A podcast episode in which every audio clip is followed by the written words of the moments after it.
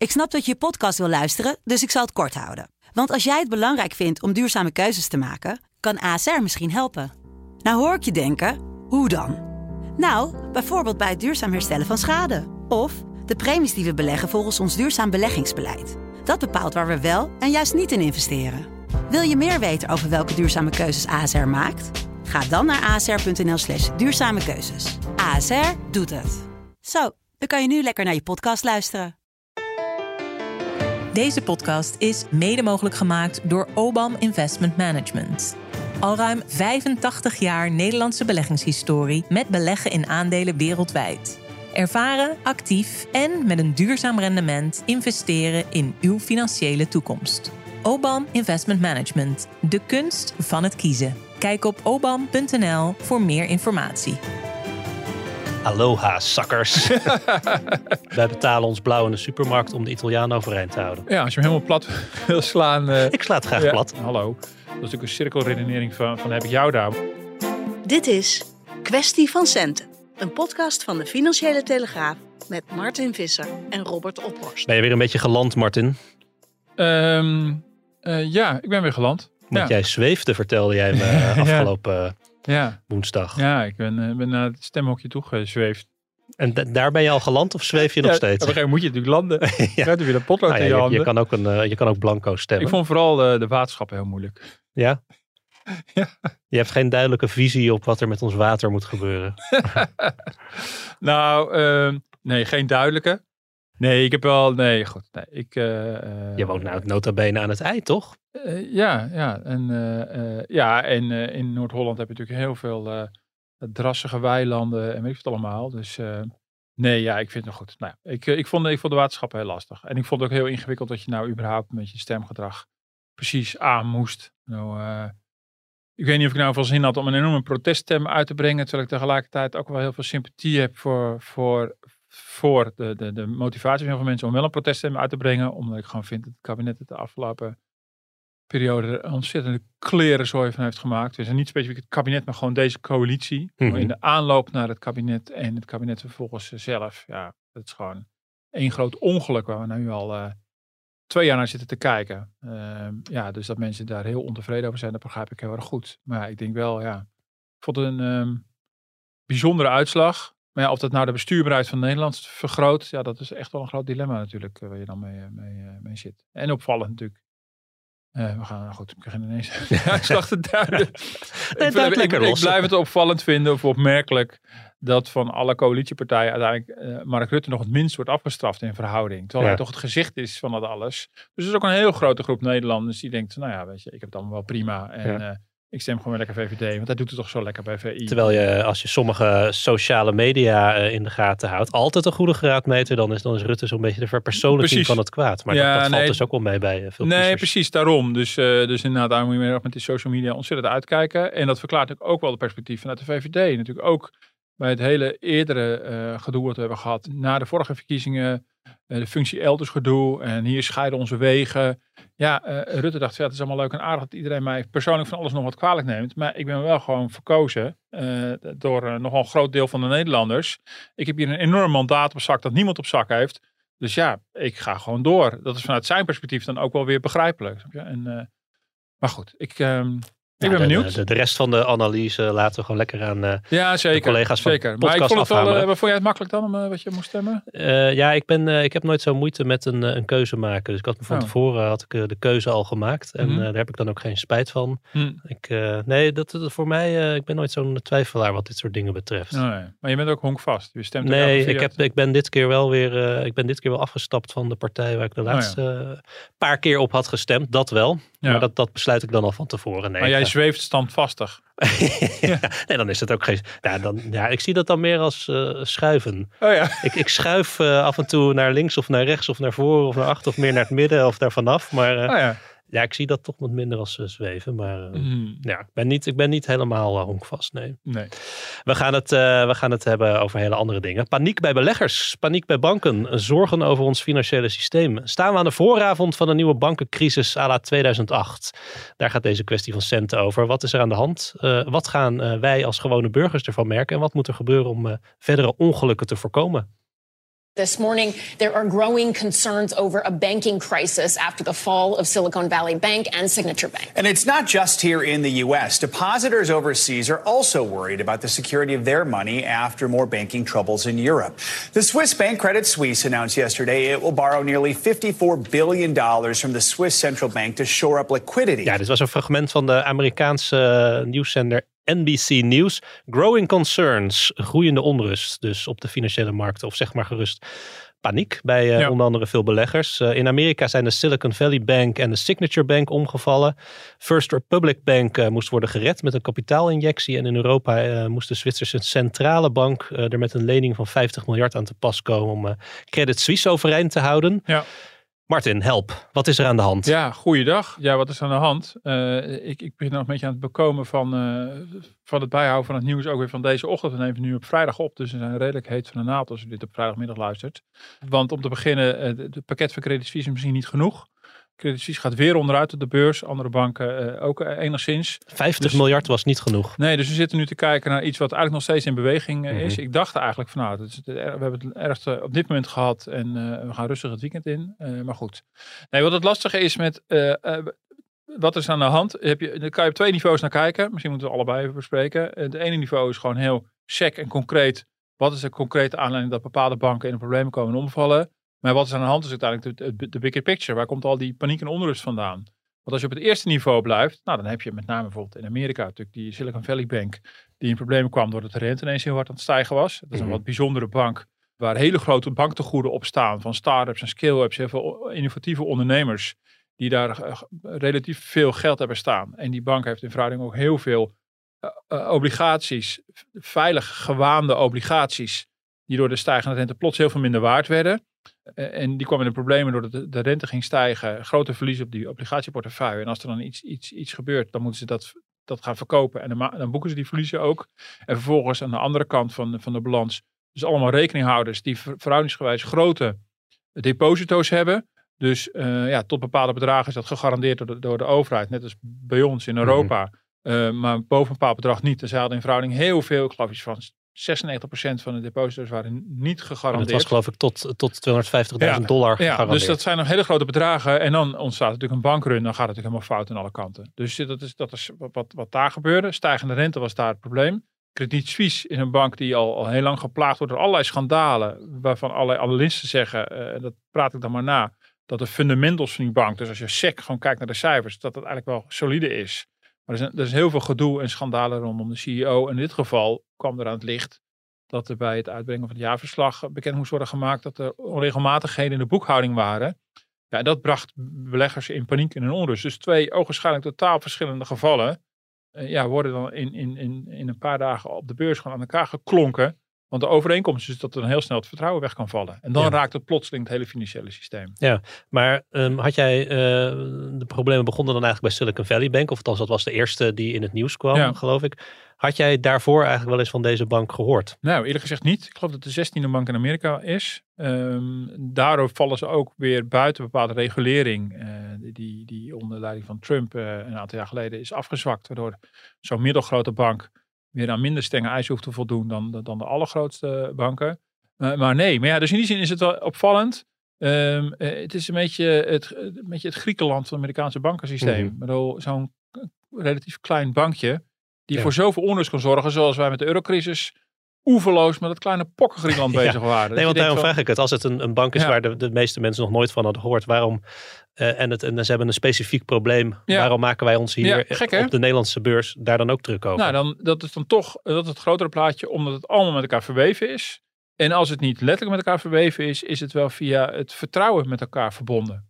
Um, nou, ik heb niet de indruk dat hier problemen ontstaan omdat er allerlei grote Amerikaanse zakenbanken ineens massale verliezen gaan leiden omdat Silicon Valley Bank is omgevallen. Nou, er was in Nederland wel een pensioenfonds dat ook geld uh, had staan. Nou, goed. Ja, APG geloof ik, ja, het ambtenarenfonds. Uh, precies, uh, die pensioen, dat is de pensioenuitvoerder van onder andere ABP. ja, die hebben natuurlijk overal in de wereld beleggingen. Dus dat ze ergens voor een paar promiel worden geraakt is allemaal niet zo heel erg raar. Dat is ook niet per se heel erg.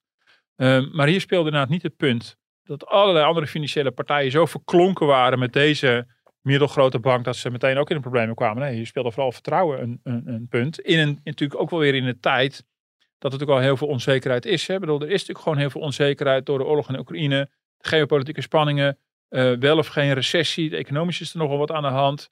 Het rentebeleid van de centrale banken, uh, want dat, dat was natuurlijk wel een trigger hier. Het rentebeleid van de centrale banken is ontzettend agressief nadat ze jarenlang de economie zijn blijven stimuleren, stimuleren met, met een rente van ongeveer nul.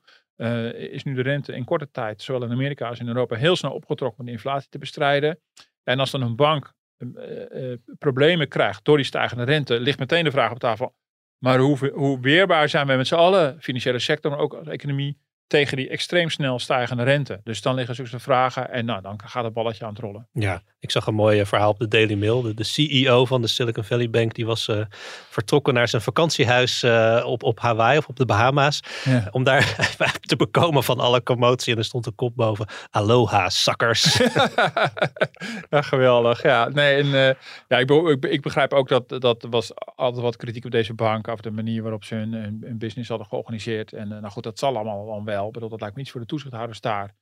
Maar dat is natuurlijk wel de echo van 2008. Dat je ziet van, oh ja, maar als er iets met het vertrouwen misgaat, ja. dan verspreidt zich dat als een olievlek. En dan ja. kan je zeggen, ja, maar ja, maar er is nu ook heel veel aan de hand in de wereld. Ja, maar er is altijd ook ergens aan de triggers, waardoor iets wat lokaal is en eigenlijk bescheiden omvang plotseling heel veel grote, grote betekenis uh, kan krijgen. En je zag het ook, de, de, Federal Reserve, de Amerikaanse centrale bank, is meteen in actie gekomen. Um, ik zat nog even te kijken naar cijfers, maar uh, bedoel, er worden dan ook weer mogelijkheden uitgezet meteen bij de banken om ook voor liquiditeitssteun bij de centrale bank te komen. Nou, daar is grootschalig gebruik van gemaakt. Die grafiek die ik ervan vanmorgen zag, ja, die lijkt qua vorm heel erg op de grafiek van 2008. Toen was het nog net even iets heftiger. En je ziet dus dat, ja, dat de, de, de, de, overeenkomst is toch ook weer dat, dat financiële markten uh, een soort van op slot gaan richting de financiële sector. Niet, ongetwijfeld niet helemaal. Maar, en dat is ook de, de, de overeenkomst tussen, tussen, tussen de Silicon Valley Bank en Credit Suisse is dat er ook geen partijen meer zijn die dan bereid zijn om daar geld in te steken. Ja, dat, dat bedoel je met op slot gaan. Dus dat zijn, bedoel ik met op slot gaan. aan hun lot over. Ja, maar dat, en dat is ook het zorgelijke, dat je een, bank heeft problemen. Nou, Allah, dat kan natuurlijk gebeuren. Elk bedrijf heeft wel eens problemen. En dan, dan heb je nieuw kapitaal nodig. En dan kijk je naar je aandeelhouders en zeg je, nou beste mensen, kom met nieuw kapitaal. En die zeggen dan, uh, uh, en dan gaat het natuurlijk mis. Met Credit Suisse ging het ook om die reden, was ook de trigger. Uh, Saoedische aandeelhouder die zei van, we hebben een belang van 10%, we vinden het wel even welletjes zo later was een beetje onduidelijk of ze geen vertrouwen meer hadden aan een bank. Of dat ze dat, dat, ze dat deden omdat zodra ze hun belang nog groter maakten, 10%, zouden ze weer onder allerlei aanvullende regelgeving vallen. Dus misschien was het een redelijk technocratische reden om op een gegeven moment niet nog meer kapitaal erin te willen steken. Maar het signaal aan de markt was, hier is een grote aandeelhouder die niet meer bereid is of het niet meer aandurft om extra geld in, in een bank en problemen te steken. Dan, dan nemen wij ook meteen afscheid van, uh, van deze bank. Ja, dan gaat de markt zijn werk doen. En dan gaan beleggers afscheid nemen van banken. Uh, dan stappen ze eruit. Uh, of een hele bewuste actieve actie. Of het komt gewoon door alle algoritmes die ook in het hele handelssysteem zitten. Heel veel grote vermogensbeheerders beginnen automatisch hun belangen af te bouwen. Omdat de markt dat doet. En dan gaat die sneeuwbal rollen. Nou, dat zagen we van de week gebeuren. Ja, je noemde net al even 2008. Dat is een jaartal wat we inderdaad deze dagen weer uh, vaak horen. Fortis, Egon, je noemde ze al net op, ING, 7% onderuit. Dus vooral financiële instellingen weer onderuit. Men maakt zich natuurlijk ook zorgen Kijk, Lehman Brothers hield ook redelijk vol dat het nog redelijk goed ging daar. Ja, totdat ze niet anders kunnen. Dus je, je vraagt je toch af, welke bank is de volgende? Ja, en dan kan het ook natuurlijk een Europese bank zijn. Dus uh, het is inderdaad weer een, een, behoorlijk zwarte dag, vooral voor de financiële instellingen. Dit was een uh, terugblik van RTL Z. Uh, vijf jaar geleden, toen het tien jaar geleden was dat de, de, bankencrisis begon. werd ingeluid onder meer door de val van Lehman Brothers. Ja. ja, jij zat destijds in Brussel, hè? Ja, ik zat toen in Brussel, ja. Uh, Je hebt het uh, journalistiek uh, van dichtbij allemaal meegemaakt. Denk je nog wel eens met weemoed terug aan die drukke dagen? Zeker, ja. Nou, en vooral eigenlijk op de, op de eurocrisis die erop volgde. daar was ik nog meer bij betrokken nog dan de bankencrisis. Goed, het ene volgde op een gegeven moment helemaal op, op het andere. Ja, en ik kan me ook wel in ieder geval van die tijd herinneren dat je ook natuurlijk niet ogenblikkelijk overzag hoe groot het allemaal was. Kijk, nu met, met, met, met, met, met een terugblik is het natuurlijk allemaal makkelijk. Heb je ja, het begon al met de val van mm Lehman Brothers, ja. september 2008. En dat weet je natuurlijk allemaal. Je weet het allemaal te uh, plaatsen in het grotere ja, plaatje. En, en ook in de tijd. En, um, en dat heb je op dat moment natuurlijk nog niet in de gaten. Ik bedoel, dan is het wel heel spannend en heel bijzonder. Maar dat het zoals een olievlek uit, uitbreidt, dat heb je dan van tevoren natuurlijk nog niet door. Want daarvoor was ook al de val van Bear, Bear Stearns, uh, een andere zakenbank. Um, uh, heb ik ook inderdaad vijf jaar geleden al uitgebreid op teruggeplikt. Onder andere met Nout Welling en Hans Hogevorst. Ik, ik kan me dat nog wel herinneren, maar het begon pas echt spannend te worden toen het heel dichtbij kwam met Fortis. Er was een hele discussie toen destijds hè, met over de overname van ABN AMRO. Dat moest een stuk worden geknipt. Hele discussie of dat wel of niet verantwoord was. Nou, de toezichthouder gaf er toch toestemming voor. En uiteindelijk ging natuurlijk de hele bank down the drain. En uh, ja, dat was wel, waren bizarre tijden. Dat, uh, dat kan me wel in ieder geval herinneren. En ik kon toen ook nog niet vermoeden dat dit van een bankencrisis ook nog een soort landencrisis zou worden. Wat het uiteindelijk wel, wel, wel is geworden. Ja, dat Ja. bizar. En wat ik me wel kan herinneren, en dat is ook, daar moest ik ook weer deze dagen weer een beetje aan denken, is dat eh, volgens mij was het een, een, een Eurogroep ECOFIN, dat is zo'n ver- vergadering van ministers van Financiën. Ik meen in Luxemburg. Want een paar maanden in het jaar zitten ze niet in Brussel, maar in Luxemburg, die ministers. Ehm eh, Juncker, Jean-Claude Juncker was nog voorzitter van de Eurogroep. Ja, dat is of Juncker geweest of Wouter Bos, die toen minister van Financiën was. Die zei eh, in de zomer van 2008 van, nou, een recessie, dat zit hier voorlopig echt niet in. En dit is vooral een Amerikaans probleem. Ja, dat is, ja, en dat moet je op dat moment zeggen. Maar toen ik begin deze week weer allerlei beleidsmakers hoorde zeggen van, nee, maar dit is vooral een Amerikaans probleem. Dit speelt in Europa niet. Ja, toen moest ik daar toch aan terugdenken. Je kunt niet anders. En tegelijkertijd geloof je er natuurlijk geen zak meer van. En dan denk ik, ja, dat zal allemaal wel. Ja, als die vertrouwenscrisis zich uitbreidt, dan, dan zijn hier ook banken aan de beurt. Ja, ik ben ook een beetje een, of ik ben een leek op dat gebied, maar ik moet dan wel denken inderdaad aan de, als een voetbaltrainer ergens onder, onder vuur ligt vanwege slechte resultaat en het clubbestuur zegt, we hebben alle vertrouwen nog in de trainer, dan weet je eigenlijk dat eh, de trainer het einde van de week niet haalt, omdat het de onrust alleen maar vergroot. Ja. Nou ja, laat ik de vraag dan maar gewoon eh, stellen. Staan we aan de vooravond van de nieuwe bankencrisis à la 2008? Nou ja, wie het weet mag het zeggen. Ik bedoel, eh, dat ga ik echt niet, eh, niet voorspellen. Dat, dat durf ik niet te zeggen. Ik zie wel ook wel dat eh, nou, nu de toezichtsraad van de Europese Centrale Bank vanmorgen weer onverwacht bij elkaar is gekomen. Dus er zijn wel allerlei aanwijzingen dat de mensen die meer achter de schermen kunnen kijken dan wij, wel reden hebben eh, om, om heel waakzaam te zijn op wat en hier dat nu gebeurt. Die, die, die bijeenkomst van de ECB is dan bedoeld eh, om van gedachten te wisselen met elkaar eh, Ja. en elkaar op de hoogte te houden Ja. van de recente ontwikkelingen. Ja, onder de mom van sigaren en benen op tafel. Nou, ik geloof er helemaal niks van. Ik bedoel, En, ze moeten nu als een sodemieter in kaart brengen waar de risico's natuurlijk zitten. Precies. En of er iets vergelijkbaars kan gebeuren binnen de eurozone als wat er daarbuiten is gebeurd. Ehm, je hebt van de week ook met wat eh, deskundigen gebeld eh, Ja. om, om, om, om deze vraag voor te leggen van hoe, hoe stabiel eh, is ons financiële systeem nu? Ja. Staan we aan de vooravond van die crisis? Wat, wat, wie heb je gesproken en wat zeggen zij? Nou ja, ik heb, ik heb met Hans Hogevorst nog even gebeld. Oud-minister van Financiën. Ja, omdat hij inderdaad, hij is en minister van Financiën geweest, vrij kortstondig overigens. Daarna werd hij voorzitter van de Autoriteit Financiële Markten, dus kwam hij in het financieel toezicht terecht. En daarna heeft hij heel lang bezig gehouden met internationale boekhoudregels. En dat, dat laatste is ook wel heel erg relevant, omdat het te maken heeft met ja, op, op wat voor manier zet je al je bezittingen op de balans. En dat begon ik in Amerika met die obligaties. En zoiets van, we moeten goed in de gaten houden dat allerlei banken die mogen die staatsleningen voor de volle waarde op hun balans zetten als ze niet van plan zijn die te verkopen. Nou, dat klinkt allemaal heel technisch, maar dat is toch heel relevant. Want eh, in de markt zijn die obligaties heel veel minder waard geworden. Dus in, eh, ergens zitten er verborgen verliezen die we niet kunnen zien, omdat de boekhoudregels, waar hij dus destijds zich allemaal druk om maakte, ehm, zo zijn dat je die verliezen niet hoeft te nemen, zolang er ze niet van plan bent te verkopen. Ehm, nou, dat zijn dingen waar hij niet vanuit, vanuit de AFM en later vanuit die eh, boekhoudclub zich heel druk over heeft gemaakt. Van, daarmee laat je alle dingen verborgen die er wel degelijk zijn. En hoe zeker zijn we nu dat misschien bepaalde Europese banken niet ook net Ja. zo kwetsbaar zijn als bijvoorbeeld die Amerikaanse banken. Precies, dan kan ECB-president Christine Lagarde wel zeggen van eh, de Europese bankensector is schokbestendig. Ja. Maakt u zich geen zorgen, maar eigenlijk heeft ze daar helemaal Exact. niet voldoende zicht op. Ik heb bijvoorbeeld, ik zag een eh, overzicht van ABN AMRO. Die is ook aan de, als de wiede weer gaan, eh, aan de gang gegaan van hoeveel obligaties, hoeveel staatsleningen staan op de balansen van verschillende banken. En dan zie je enorme verschillen. Iets waar het Centraal Planbureau ook meermaals op gewezen heeft. In Nederland bijvoorbeeld, de Nederlandse banken, minder dan 2% van hun balans is, is, eh, is staatsleningen. In Italië is het 12%. Waarvan het echt veruit het overgrote deel ook nog echt Italiaanse staatsleningen zijn. Ja, nou dat is op papier zijn staatsobligaties veilige beleggingen. Ook Italiaanse staatsobligaties zijn veilige beleggingen. Dan zeg jij, maar dat kan toch niet? En dan zeg ik, ja, dat kan wel degelijk. Eh, want de, de, de regels zijn, ook sinds 2008, ook sinds de eurocrisis, een staatsobligatie eh, mag gewoon voor de volle 100% worden meegeteld. Die wordt gezien als risicoloos. We hebben nu gezien in Amerika dat er een bank omgevallen is door zogenaamd risicoloze staatsleningen. In hoeverre eh, zit het risico ook niet verborgen in de bankbalansen van bijvoorbeeld Italiaanse banken? Het antwoord is die, die, die risico's zijn er. Mhm. Ja, of die zich gaan materialiseren, dat weten we natuurlijk niet. Daar moet ook wel een trigger voor zijn. Nou, deze week was misschien het begin van een trigger. Ja. Dus ik heb hem onder andere gesproken. Eh, Harald Bening heb gesproken, hoogleraar Banking and Finance in Tilburg. En halverwege het gesprek zei ik van Harald, ja, volgens mij kan ik, kan ik jouw quotes van vijf jaar geleden of van tien jaar geleden weer bijpakken. Want je zegt exact dezelfde dingen. Eh, niet omdat ik hem saai vind, maar omdat hij gewoon heel consistent Ja. blijft roepen. De banken eh, hebben meer buffer aangehouden dan in 2008. We hebben echt een les ge- geleerd van, de, van de, die crisis van toen. Maar het is nog lang niet genoeg. Dat is een, een lange slepende discussie geweest eh, in heel Europa en Amerika.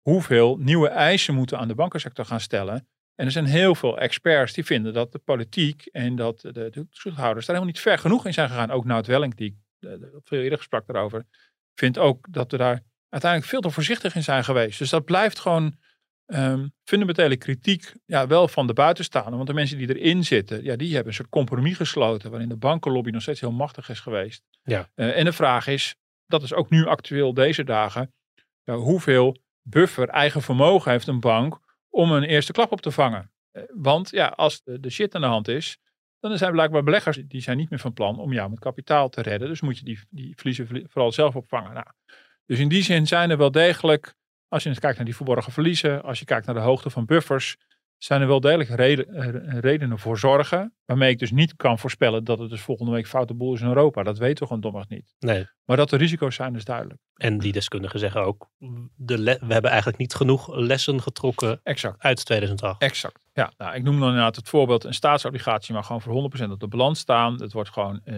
de risicoweging is alsof er geen risico is. Ik weet, daar is een oeverloze strijd over geweest in Europa. Maar dat is om politieke redenen wil men er toen niet aan. Want als je zou zeggen van, eh, even theoretisch, een Nederlandse staatsobligatie, die mag voor de volle map op balans staan. Want Nederland is zo, zo solide. Maar de Italiaanse staatsobligatie, ja, daar moet je, moet je 25% van afhalen. Want ja, we weten allemaal, dat is zo zacht als boter. Ja, dat krijg je natuurlijk nooit doorheen in Europa. Dan, eh, dus, dus nee, eh, gelijke monniken, gelijke kappen. Dus elke, elke staatslening is even kredietwaardig. Ja, we, we voelen natuurlijk aan, dat is een politiek compromis. Dat is niet bedacht vanuit financiële soliditeit. Nou, dat is een voorbeeld. Eh, die buffers idem dito, de banken, we hebben dat afgelopen jaren. Dat is een beetje, eh, die, die discussie is een beetje betijd. Op een gegeven moment was, was, was de urgentie weg. Maar eh, heel wat jaren zijn de discussies geweest in Den Haag, in de Tweede Kamer.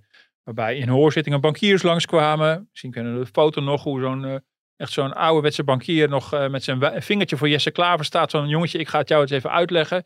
Die bankiers hebben een enorme gewicht in de schaal gelegd om te voorkomen dat hun buffers niet te hoog zouden worden met het dreigement. Dan moeten we de economie afknijpen. Nou, daar blijkt politiek toch vaak heel gevoelig voor te zijn voor het argument. Dus heel veel experts zeggen, we hebben wel lessen ge- geleerd, maar we zijn ergens halverwege gestrand in een compromis. En de tijd zal het leren of dit voldoende zal blijken te zijn. Laten we het eens hebben wat, eh, over wat wij als gewone burgers hier dan allemaal van eh, merken en kunnen gaan merken. I'm hearing 50 out of ECB. 50? Where are they in step? Uh, deposit rate, yeah, goes uh, from 2.5 to 3. Uh, let's get to Steve Leisman, who I think is following too. Steve? Yeah, Carl, it is 50 across all three different benchmarks of the European Central Bank. So I will tell you this that we went into this thing, the odds have been moving around all morning, the probabilities. We went into it with. Speciaal voor jou, Martin, weer zo'n eh, volvet Amerikaans eh, fragment. Dit keer van eh, CNBC. 50, 50. Dat eh, ging dus over de Dat rente. Klinkt super spannend. Nou, dit is inderdaad ook wel spannender dan wanneer je gewoon, wat ik dus van de week heb gedaan, naar de persconferentie van een Christine Lagarde moet luisteren. Op een gegeven moment vicepresident de Guindos eh aan de beurt was. Toen, toen, toen begon ik ineens in slaap te sukkelen. Maar eh, ja, nee, ze weten het goed. Zo blijf je wel wakker, ja, ze weten het goed te verkopen. Maar dit gaat uiteindelijk al gewoon over de beleidsrente van de ECB. Ja. Dus ik sla hem weer helemaal dood. Maar eh, Die, eh, die ging deze week die is eh, omhoog weer ging. 50 basispunten omhoog. Oftewel van 2,5 naar 3 procent. ja. Ja, even, we ik zei van we gaan het hebben over wat het dan betekent voor de gewone burger. Ehm, dit klinkt heel ingewikkeld misschien, maar dit heeft wel direct effect op Ja. de prijzen in de supermarkt. Ja. Eh, even nog eh, misschien daar voorafgaand, waarom was dit zo'n spannend moment ook voor deze twee presentatoren van de CNBC? Nou ja, omdat eh, als in Amerika een bank omvalt omdat de rente te hard stijgt, ogenblikkelijk de vraag wordt opgeworpen van moeten centrale banken dan niet meer stoppen dan met die rentestijgingen? Dus dat, dat en ja, en ik, ik stond ook van te kijken van hoe is het mogelijk dat die, dat die conservatieve krachten meteen weer boven komen? Wat de centrale, en, dat, deze week, de afgelopen donderdag, was er dus een, een rentevergadering van de Europese Centrale Bank. En er was al, al meermaals vooruit gezegd, die, die rente gaat weer opnieuw omhoog. En dat doen ze om de inflatie te bestrijden. Nou, hebben het in andere podcasts eerder over gehad. Je moet, eh, je, eh, dat is de, ECB, de centrale bank, heeft als primaire taak om te zorgen voor prijsstabiliteit. En dat doen ze voor ons, Europese burgers. We worden nu kei- keihard in onze koopkracht geraakt, want die inflatie natuurlijk helemaal uit de hand is gelopen. En de ECB, eh, de, de centrale bank, is een waakhond van onze inflatie. Dus die moeten als een wiede weer gaan. Moeten ze zorgen dat ze rente weer naar normale percentages brengen. Dat doen ze stap voor stap. En dat gaat vrij agressief. Eh, het tempo waarin dat gaat. eh, maar ja, dat mag ook wel, want de inflatie was ook vrij agressief, kan ik wel zeggen.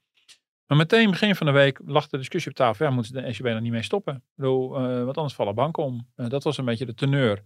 Eh, en er werd serieus rekening mee gehouden dat de ECB eh, misschien de rente minder hard zou verhogen dan van tevoren was gezegd. Ondanks dat, dat het echt heel behoorlijk concreet was aangekondigd. Dus het zou echt wel wat zijn als ze dat niet hadden gedaan. Eh, en uiteindelijk heeft de ECB dus die rente wel verhoogd. En hebben ze ook wel de afweging gemaakt. Waar, waar, waar gaan we nu voor? Gaan we voor de inflatiebestrijding voor de Europese burgers? Of gaan we voor het overeind houden van de, van de financiële sector? Dus het is prijsstabiliteit versus financiële Ja. stabiliteit. Ehm, en ze kozen gelukkig voor dat eerste. Ehm, maar goed, dat was voor nu. Bedoel, De komende tijd moet nog maar blijken. Eh, heel veel eh, ECB-watchers die zeiden ook van misschien was dit het ook wel qua renteverhogingen.